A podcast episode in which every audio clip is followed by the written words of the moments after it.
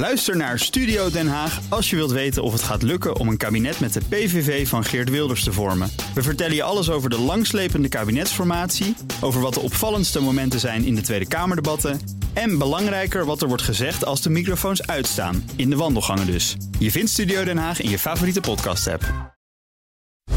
BNR Beurs wordt mede mogelijk gemaakt door Bridge Fund. Beleggen bij Bridge Fund brengt Nederlandse ondernemers in beweging. BNR Nieuwsradio. BNR Beurs. Wesley Weerts, Jelle Maasbach. Hallo, hallo. Welkom. We hebben eindelijk alle Valentijnskaarten gelezen. Dank daarvoor namens het hele team. En goed dat je luistert naar BNR Beurs. Op deze vrijdag 16 februari. De dag dat luchthaven Schiphol voor het eerst sinds de pandemie weer winst maakt. Maar de vlag bij Schiphol kan nog niet uit. Want veel bedrijfsonderdelen maken nog wel verlies. En de kosten blijven stijgen. Om de enorme drukte op de luchthaven aan te kunnen... heeft Schiphol veel nieuw beveiligingspersoneel aangenomen. En ook de bouw van een nieuwe bagageband pakt veel duurder uit dan was begroot. En daarom heeft de luchthaven besloten geen dividend uit te keren aan de aandeelhouders. Nou, de vlag kan hier wel uit, want wij hebben Jim Theopoering van een vermogensbeheer in de studio. Welkom. Dankjewel, heren.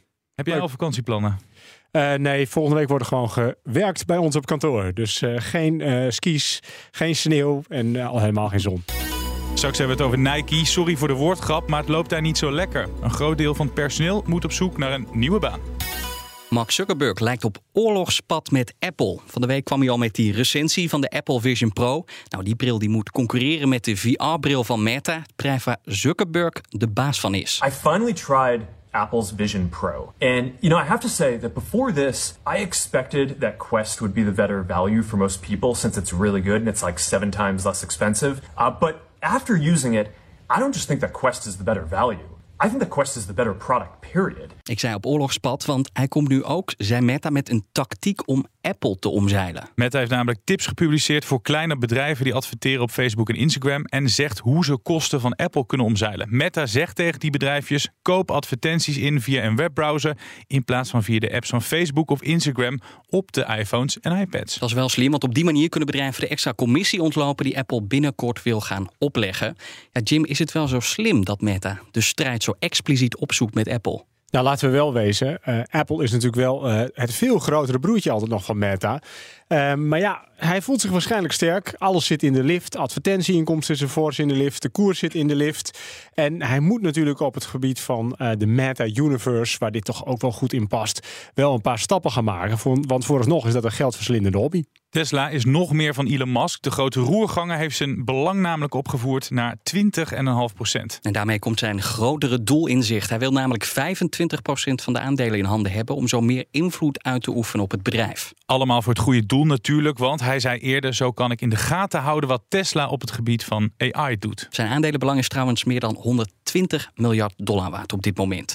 Ja, en misschien kan Musk dat grotere belang gebruiken om de kwaliteitscontroles te verbeteren. Want als we de eigenaren van de nieuwe Tesla Cybertruck mogen geloven, dan schort daar wel nog het uh, een en ander aan. Die truck die roest. The Cybertruck has a big rusting problem. There are too many images of this thing already rusting for this not to become a huge issue for Tesla. You're probably wondering why the Cybertruck in particular is rusting so easily. Well, it's the same reason the panels on this truck go horribly misaligned. Ja, opvallend, want dat ding zou gemaakt zijn van roestvrij staal. Nou, niet dus. Vergeet Tesla, de toekomst van de auto-industrie is Ford. Jawel, het bedrijf dat meer dan een eeuw geleden als eerste auto's produceerde voor de massa. En dat Ford nu de toekomst is, zegt Ford zelf. Ja, Ford heeft een onderdeel dat onder meer rijhulpsystemen ontwikkelt. Iets waar Tesla natuurlijk ook op inzet, groot in is. Ja, en Tesla wil uiteindelijk natuurlijk die zelfrijdende auto's ontwikkelen. Ja, en dat is allemaal leuk, zegt de Ford-baas. Maar wij maken er nu al winst mee. Dik 7 miljard dollar bruto winst. Een half miljoen gebruikers, een winstmarge van 50%. En marges, dat is juist iets waar Tesla mee worstelt. Maar we beginnen bij Nike, want in plaats van meer te verkopen gaat het sportmerk op de kleintjes letten. De verkopen vallen tegen en dat dwingt Nike tot een grote ontslagronde. Nike is laying off approximately 2% of its workforce. According to a letter sent to employees, the first round of layoffs will start as early as Friday and go through next week. Het schrapt 1600 banen, dus zo'n 2% van het totale personeelsbestand. En Nike gaat rigoureus te werk. Vandaag al wordt de eerste lading personeel eruit gegooid. De tweede lading die volgt dan aankomende maand. Ja, Jim, hoe uh, hard is deze ontslagronde nodig bij uh, dit bedrijf? Nou, als je kijkt naar de vooruitzichten, dan is dat wel nodig. Want uh, Nike groeide natuurlijk jarenlang heel hard. En voor 2024 wordt gewoon geen groei verwacht. En dat is een gevolg van nou ja, enerzijds de inflatie en als gevolg daarvan hoger opgelopen rentes. Want de consumentenbestedingen nemen terug. Huren zijn gestegen, eh, de kosten voor algemeen levensonderhoud zijn toegenomen. Ja, wat doe je dan het eerst? Een jaartje langer met je sportschoenen en je mooie voetbalshirtje. En daar heeft uh, Nike dus echt last van. Ze zien de consumentenvraag terugvallen. En vooruitlopend eigenlijk op de verwachting dat de omzet niet zal groeien, snijden ze nu dus in personeelsbestand. 2% klinkt fors. Denk je dat het voor nu genoeg ook is? Nou, ze gaan natuurlijk niet alleen in het personeel snijden. Want uh, Nike maakt, kan op veel meer fronten vrij eenvoudig de, personeel, of, de kosten terugschroeven. Ja. Overigens gaat het vooral om kantoorpersoneel in de winkels, et cetera. Daar zullen ze niet gaan uh, afslanken. Maar uh, als je kijkt bijvoorbeeld naar de budgetten van Nike, ja, er wordt meer dan 4 miljard dollar per jaar aan uh, marketing uitgegeven. Dus sponsorships, advertenties. Dat is natuurlijk een hele makkelijke manier om iets van je kosten terug te dringen. Uh, want het ja, heeft niet directe consequenties. Misschien wel weer in de verkopen. Maar daar zullen natuurlijk ook wel, zal heel strikt worden gekeken naar de uitgaven. Nou ja, ik wil al zeggen, want als je zo, zodra je de advertentieinkomsten terug gaat schroeven, dat, dan verkoop je toch automatisch minder. Dat is toch precies wat Nike ook niet wil. Nee, dat, dat klopt. Dat is altijd een beetje lastiger. Maar je ziet bij veel commerciële bedrijven natuurlijk het eerste, de eerste knop waar je aan gaat draaien als het economisch wat tegen zit. Dat is de marketingknop. En dat is niet alleen Nike die dat doet. Uh, hetzelfde beeld zie je bijvoorbeeld bij Adidas. Die hadden eerst, uh, nou de verwachting was 1,2 miljard winst voor het komend jaar. Ze zeiden zelf al van nou ga maar uit van de helft. Ja. Dus Nike, Adidas zitten allemaal een beetje in hetzelfde landschap.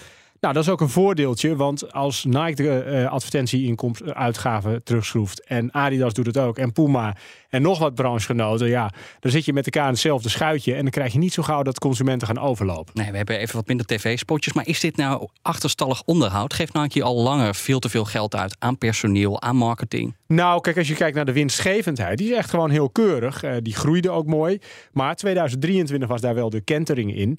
Dus het is gewoon een heel winstgevend bedrijf, ook mooie omzetgroei. En ja, eigenlijk hoort het natuurlijk ook wel bij de conjunctuur dat je soms een periode van minder groei hebt en dan past het daar ook bij om te letten op je uitgaven. Nou, over groei gesproken als belegger zou ik inderdaad willen weten vanaf wanneer is die groei er weer? Want dit is alleen maar snijden en krimpen. Op een gegeven moment wil je ook weten wanneer uh, zit er weer groei. Nou, de verwachting is dat 2025 uh, dat dan de markt weer positief draait. Maar als belegger moet je natuurlijk vooruit kijken. En dat doen beleggers ook. Want kijk je naar de aandelenkoers, die stond twee jaar geleden op zo'n 175 dollar. En vandaag de dag op 100 dollar. Dus er is al veel van de koers af. En ja, dan zou dit ook wel een omkeerpunt in de, uh, in de koersgrafiek kunnen zijn. Ja, en die concurrenten, je noemde ze net al, Adidas, Puma, die kwamen eerder ook met uh, tegenvallende opbrengsten. Gaan we ook daar zien dat de bezem er doorheen gaat? Ja, Nike is overigens uh, wel de eerste in dit rijtje. Ze kondigden dit in december al aan, maar het is heel aannemelijk dat de hele sector het wat zwaarder heeft. En waardoor het overigens ook komt omdat er ook nieuwkomers zijn, bijvoorbeeld in de markt voor hardloopschoenen. Nou, die lopen bij uh, nieuwkomers schijnbaar nog wel redelijk hard. Mm -hmm. uh, ik ken die merken niet, maar uh, ik. ik Jij bent wel een hardloper volgens mij, Outdoors, On Holdings, Hoka heb ik gelezen. Nou, het oh, zijn ja. namen ik die ik niet ken. een hardloper was. Ik heb in het verleden veel hard gelopen. maar we hadden het er net ook over dat uh, Wesley net, vader is geworden. ja, hij zegt het ook In het altijd. verleden. Maar ja, met kleine kinderen, hardlopen, wielrennen, al dat soort zaken zitten dan even niet in. Dus ga het bij je voetballen. Tot slot over dit uh, sportgebeuren. Dit is dus wel ook de sector waar je als belegger misschien even op dit moment niet in wil zitten. Als er zoveel spelers nu uh, gaan hakken en snijden. Je kunt het ook positief draaien, want het feit dat ze vooruitlopen op de verwachte trend en dat consumenten minder zouden gaan besteden, betekent wel dat ze een scherp oog hebben voor de winstgevendheid en de niet noodzakelijke kosten terugschroeven. Dus ik vind het geen zorgwekkende ontwikkeling. Het was weer een week met een record. Het wordt bijna saai. Dit keer was het de beurt aan de S&P 500. The S&P 500 gained just over half a percent Thursday, nosing above its prior record high that was set just last Friday. Tesla and Meta were big upside contributors, with big banks and oil companies also standout performers. Coca-Cola kon rustig doorgaan met het verhogen van hun frisdrankprijzen. Sterker nog, de verkopen stegen. DSM Firmenich heeft juist last van dalende vitamineprijzen. Dat trekt het hele bedrijf omlaag en daarom verkopen ze het onderdeel dat er verantwoordelijk voor is. Bij ABN AMRO gaan ze niks afstoten. De bank wil na Bucks nog een keer op overnamepad. Maar dat was niet het opvallendste in de cijfers. Nee, dat waren de renteinkomsten. Gevreesd werd dat die zouden dalen, maar niks is minder waar. De verwachting, en dat was het allerbelangrijkste cijfer, was dat ABN AMRO zei dat netto renteinkomsten dat die in 2024 niet zouden dalen ten opzichte van 2023. En dat was echt een belangrijke meevaller en daardoor ging ook die, eh, die koers omhoog. Concurrent ING zorgde ook voor verbazing. Ze vegen de vloer aan met een brief van Milieudefensie. Daarin dreigde de Milieuclub de bank voor de rechter te slepen als ze niet zouden stoppen met fossiele investeringen. Volgens de topman van ING is het gevaarlijk om te stoppen. We zijn ervan overtuigd dat we de meeste impact maken als we bij die klant blijven, als we weggaan en nu gewoon afscheid nemen, dan verandert er verder niets. Daar wordt de wereld geen s'nachts van. Over de oliesector gesproken, het was ook de week van een mega-overname. De vierde in vier maanden tijd en goed voor 26 miljard dollar. Van greenwashing naar AI-washing, want van greenwashing worden die oliereuzen nog wel eens beschuldigd. Er is een nieuw fenomeen, waarschuwt de SEC. AI-washing dus. Eh, je maakt je daar schuldig aan als je de resultaten oppoetst door te pas en te onpas met AI te strooien. Het was ook de week, eigenlijk meer de weken van. Taylor Swift. Ja, en niet vanwege haar muziek of omdat haar label met uh, TikTok overhoop ligt. Nee, omdat Taylor Swift beurs en economie bepaalt. Lyft heeft veel meer ritjes gereden, onder meer vanwege concertbezoekers van Swift. Disney komt exclusief met een concertdocu van de zangeres, waarvoor ze naar verluid 75 miljoen dollar krijgt. Mhm. En vorig jaar ging de Amerikaanse inflatie ineens omhoog, vanwege, zeiden economen, de hotelprijzen en consumptie van haar concertgangers. Zelfs de Super Bowl was dit jaar de best bekeken finale ooit. Spelersvrouw dit jaar? Ja, juist, Taylor. Daarom hebben wij van BNR Beurs het toch echt over het tele-effect, deze aflevering. En dan is gelijk de belangrijkste vraag, Jim Terpoering. Wat is jouw favoriete nummer van Taylor Swift? Die had ik even niet zien aankomen. Maar ik denk uh, stijl. Ik ken het ook gewoon. Hè? Oh, echt? ja, hoe kan het dat één persoon zoveel effect heeft op en beursbedrijven en die economie? Nou, het is een handige marketingdame. En ik zeg al, ik ken het ook gewoon. Op een of andere manier weet Taylor Swift uh, zowel meisjes van 10 jaar aan te spreken als opaatjes van na 80. Um, dus, en alles wat daartussen zit. Dus de hele wereld is op dit moment in de ban van Taylor Swift. Uh, ze gaat uh, volgens mij ook toeren het komend jaar of is daar al mee bezig. Ja, die concerten zijn in mum van tijd uitverkocht.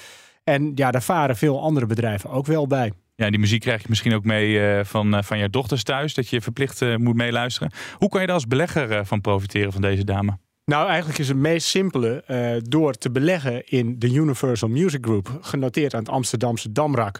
Dus overigens vind ik persoonlijk ook een heel mooi onderscheidend aandeel waarmee je voorsorteert op de toekomst, namelijk streaming music. Mm -hmm. En ja, hun grootste artiest is natuurlijk Taylor Swift. Dus dit muzieklabel heeft de rechten en iedere keer dat er op uh, Spotify wordt uitgezonden, komt er een fractie van een cent uh, de kant van UMG op. En ja, ze hebben overigens niet alleen Taylor Swift in de stal, maar eigenlijk alle sterren die ertoe doen. En dat is uh, ja, voor de jongeren Harry Styles, Bieber, The Weeknd, Ariana Grande. Maar voor, uh, nou ja, ik weet niet of ik jullie al tot de ouderen moet scharen, maar in ieder geval wel U2, Coldplay, Sting. Het is allemaal Universal Music Group. Die hebben echt een monopolie met natuurlijk als grootste uithangbord Taylor Swift. Ook elke keer als het goed gaat met Universal Music Group, dan wordt de, de schuld gelegd. Ja, ja, Taylor Swift is daar de reden van. Is dat ook niet een risico dat je dus zo afhankelijk bent van één artiest? Ja, dat klopt. Maar als je kijkt naar. Uh, nou, we hebben het bijvoorbeeld uh, straks ook nog over een aantal aandelen waar ook echt monopolisten bij zitten.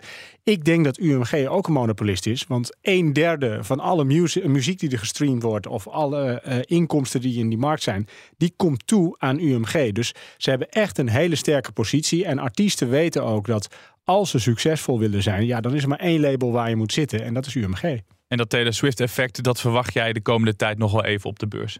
Uh, nou ja, of het uh, echt doordringt in de beurs, dat weet ik niet. Maar als je naar de Amerikaanse economie kijkt, en we hadden het net over de Super Bowl. Uh, het, ik weet niet of het waar is, maar het schijnt dat ongeveer tijdens de Super Bowl Taylor Swift meer in beeld was dan de spelers. Ja. dus ja, de hele focus ligt op deze zangeres. En het is een handige dame. Ze begon ooit met country, maar had al snel door dat je met pop een groot publiek kunt bereiken. We kregen deze week ook een uh, mooi inkijkje in de Nederlandse economie. Of misschien nog wel breder dan dat. Want uh, de grote Nederlandse multinationals kwamen met cijfers. Heineken, Randstad en Aal Delhaize. En dus weten we na afgelopen dagen hoeveel we hebben ingeslagen in cafés, restaurants en supermarkten. En of ze voor al die winkels ook nog genoeg personeel kunnen vinden. Even alles uh, kort op een rijtje. Heineken verkoopt minder bier, de omzet stijgt, maar de winst daalt. Aal Delhaize verkoopt voor het eerst in twee jaar meer producten in Europa maar de winst keldert, 40 procent. Maar dat komt dan weer door een Amerikaanse miskoop. En Randstad liet weten dat ze niet alleen moeilijk personeel voor hun klanten kunnen vinden. Zelf vinden ze ook moeilijk nieuwe medewerkers. Zowel omzet als winst dalen. Dus Jim, op basis van deze drie, hoe staan we ervoor? Mwah.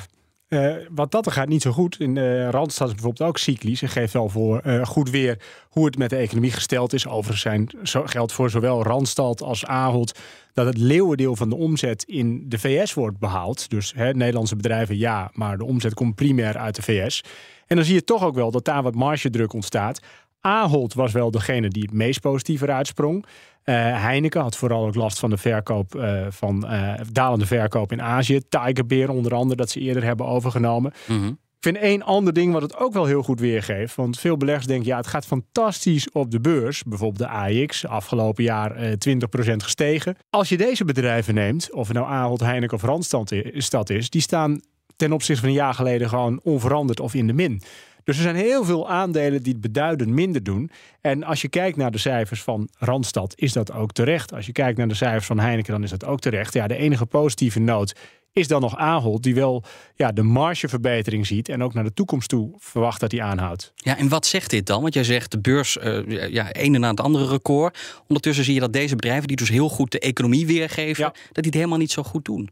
Nee, je hebt op dit moment een behoorlijke, uh, ja, eigenlijk misschien wel overdrijving in de hoek van AI. Net hadden we het al over AI-washing.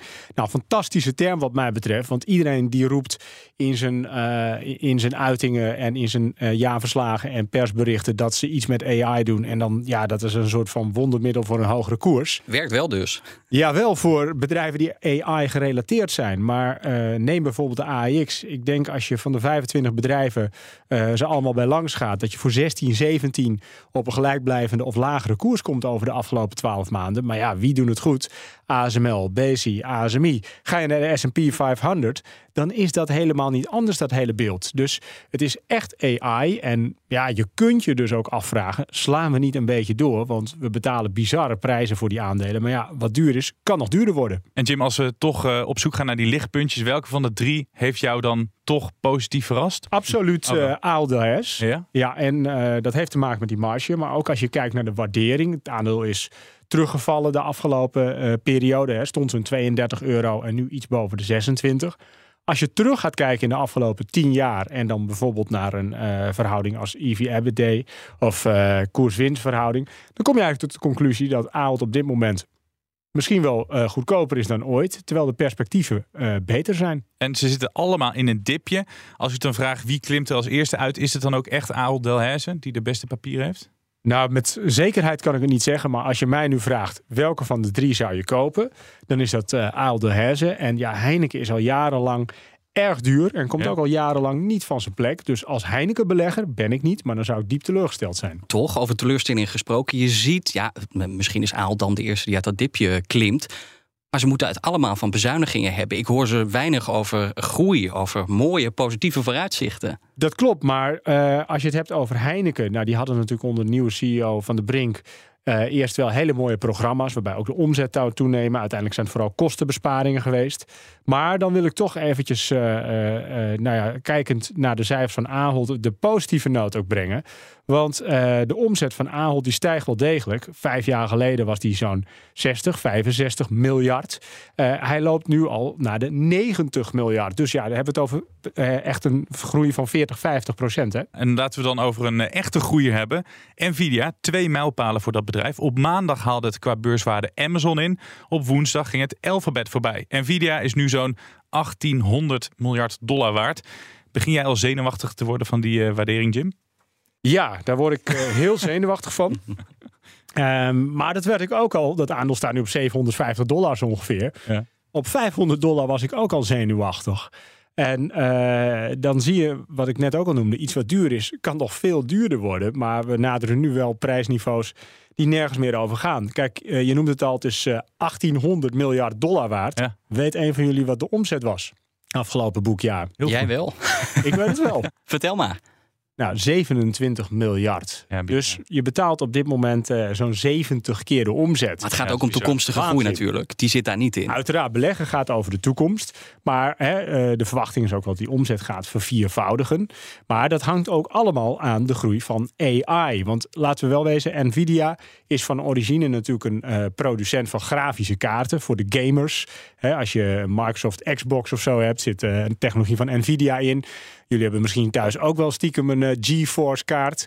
En eh, die kaarten die bleken heel eh, nou ja, gunstig eigenlijk ook voor het verwerken van de, eh, de mathematische formules in de computer. Voor onder andere eerst crypto's en tegenwoordig AI. Dus die processoren worden op een andere manier ingezet dan waar ze voor oorspronkelijk gebouwd werden. En Jim, jij wordt dus al een beetje zenuwachtig van deze waardering. Er zijn er collega-analisten van jou die zeggen... Nvidia wordt het meest waardevolle beursbedrijf van de wereld. Hoor je daar dan ook bij? Ehm, nee, ik eh, denk dat we eerder nog een keer een beweging krijgen zoals eind 2021 ook. Want toen werden ze gebruikt, die kaarten, voor het minen van crypto's. Volgens mij, uit mijn hoofd, ging de koers van 350 dollar terug naar 100 dollar. Ja, en vanaf dat moment is hij inderdaad nu naar 750 dollar gestegen. Dus het is echt een speelbal van de markt. Waarbij het inderdaad zo is, als het de wind mee heeft, kan het hard oplopen. Maar dat is allemaal inderdaad gericht op de toekomst. Ehm, ik vind het een beetje duur. Maar ja, wat ik al zei, vond ik op 500 dollar ook. Ja, en toch, ik kom er toch even door, Jim. Want eh, het minen van die crypto's, dat is wel echt anders dan deze AI-hype. Of in ieder geval AI-beweging. Want je ziet ook dat dus bedrijven als Microsoft ook echt daadwerkelijk al inkomsten genereren uit AI. Dus die twee zijn in dat opzicht totaal niet met elkaar te vergelijken. Nou, zelfs eh, Nvidia die genereert ook al inkomsten. Als als je grote leverancier. Cloud computing Ja, en data. Alleen het belangrijkste is natuurlijk dat hun klanten er ook geld mee verdienen. Want dan blijven ze die dingen kopen bij Nvidia. Absoluut. Hè, 80% is al AI bij eh, Microsoft. Maar om dan de vergelijking te trekken met Nvidia en Microsoft. En je gaat bijvoorbeeld kijken naar de, de winstgevendheid en de ratio's. Ja, hè, voor Microsoft betaal je 35 keer de winst. Eh, voor Nvidia, die hebben gebroken boekjaar, dus een beetje lastig. Maar dan gaat het eerder richting 100 keer. Dus ja, daar zit nog wel heel veel lucht in. En ja, dat kan bewaarheid worden, maar het kan er ook een keer uitlopen. Hey, wordt dit dan een beetje het Cisco van 2024? Hè? Cisco, dat was tijdens de dotcom-bubbel ook een aandeel dat heel hard steeg. Daarna is het nooit meer hersteld. Voorzie je dat ook voor Nvidia? Nou, vind ik moeilijk te zeggen. Ehm, kijk, als je aan mij vraagt, zou ik mijn geld daar nu in investeren? Dan is het antwoord nee, omdat het te duur is. Dan zou ik eerder wachten op een correctie. Want die eh, AI-trend, die blijft natuurlijk wel doorzitten. Zetten. En dan komt wel uit de bus dat Nvidia betere eh, kaarten heeft dan bijvoorbeeld AMD of Intel. Eh, ze zijn ook een stuk duurder, dus de marges zijn fantastisch. Hè. Elke dollar die er binnenkomt, wordt 50 cent netto winst opgemaakt. Ja, dat is wel prachtig als belegger. Ben je al klaar met het cijferseizoen? Ja, nou jammer, het cijferseizoen niet met jou. De ene na de andere gigant komt nog met de kwartaalcijfers. Nvidia bijvoorbeeld, waar we het net over hadden. Analisten, beleggers en fanboys kunnen dan zien of het de hele hoge verwachtingen kan gaan waarmaken. Ook de week waarin we een goed inkijkje krijgen in de Amerikaanse consument. Zowel Walmart als Home Depot komen dan met de resultaten. Altijd een goede graadmeter voor de Amerikaanse economie. Aldous Kluwer kan je nog verwachten, maar wij van BNR Beurs denken dat de cijfers van Viaplay iets spannender zijn. Je weet wel, die Zweedse streamer die op het nippertje werd gered. Het bedrijf stelde keer op keer de publicatie van de kwartaalcijfers uit. Eind van de week moeten ze er dan zijn. Maar goed, misschien komen ze weer niet.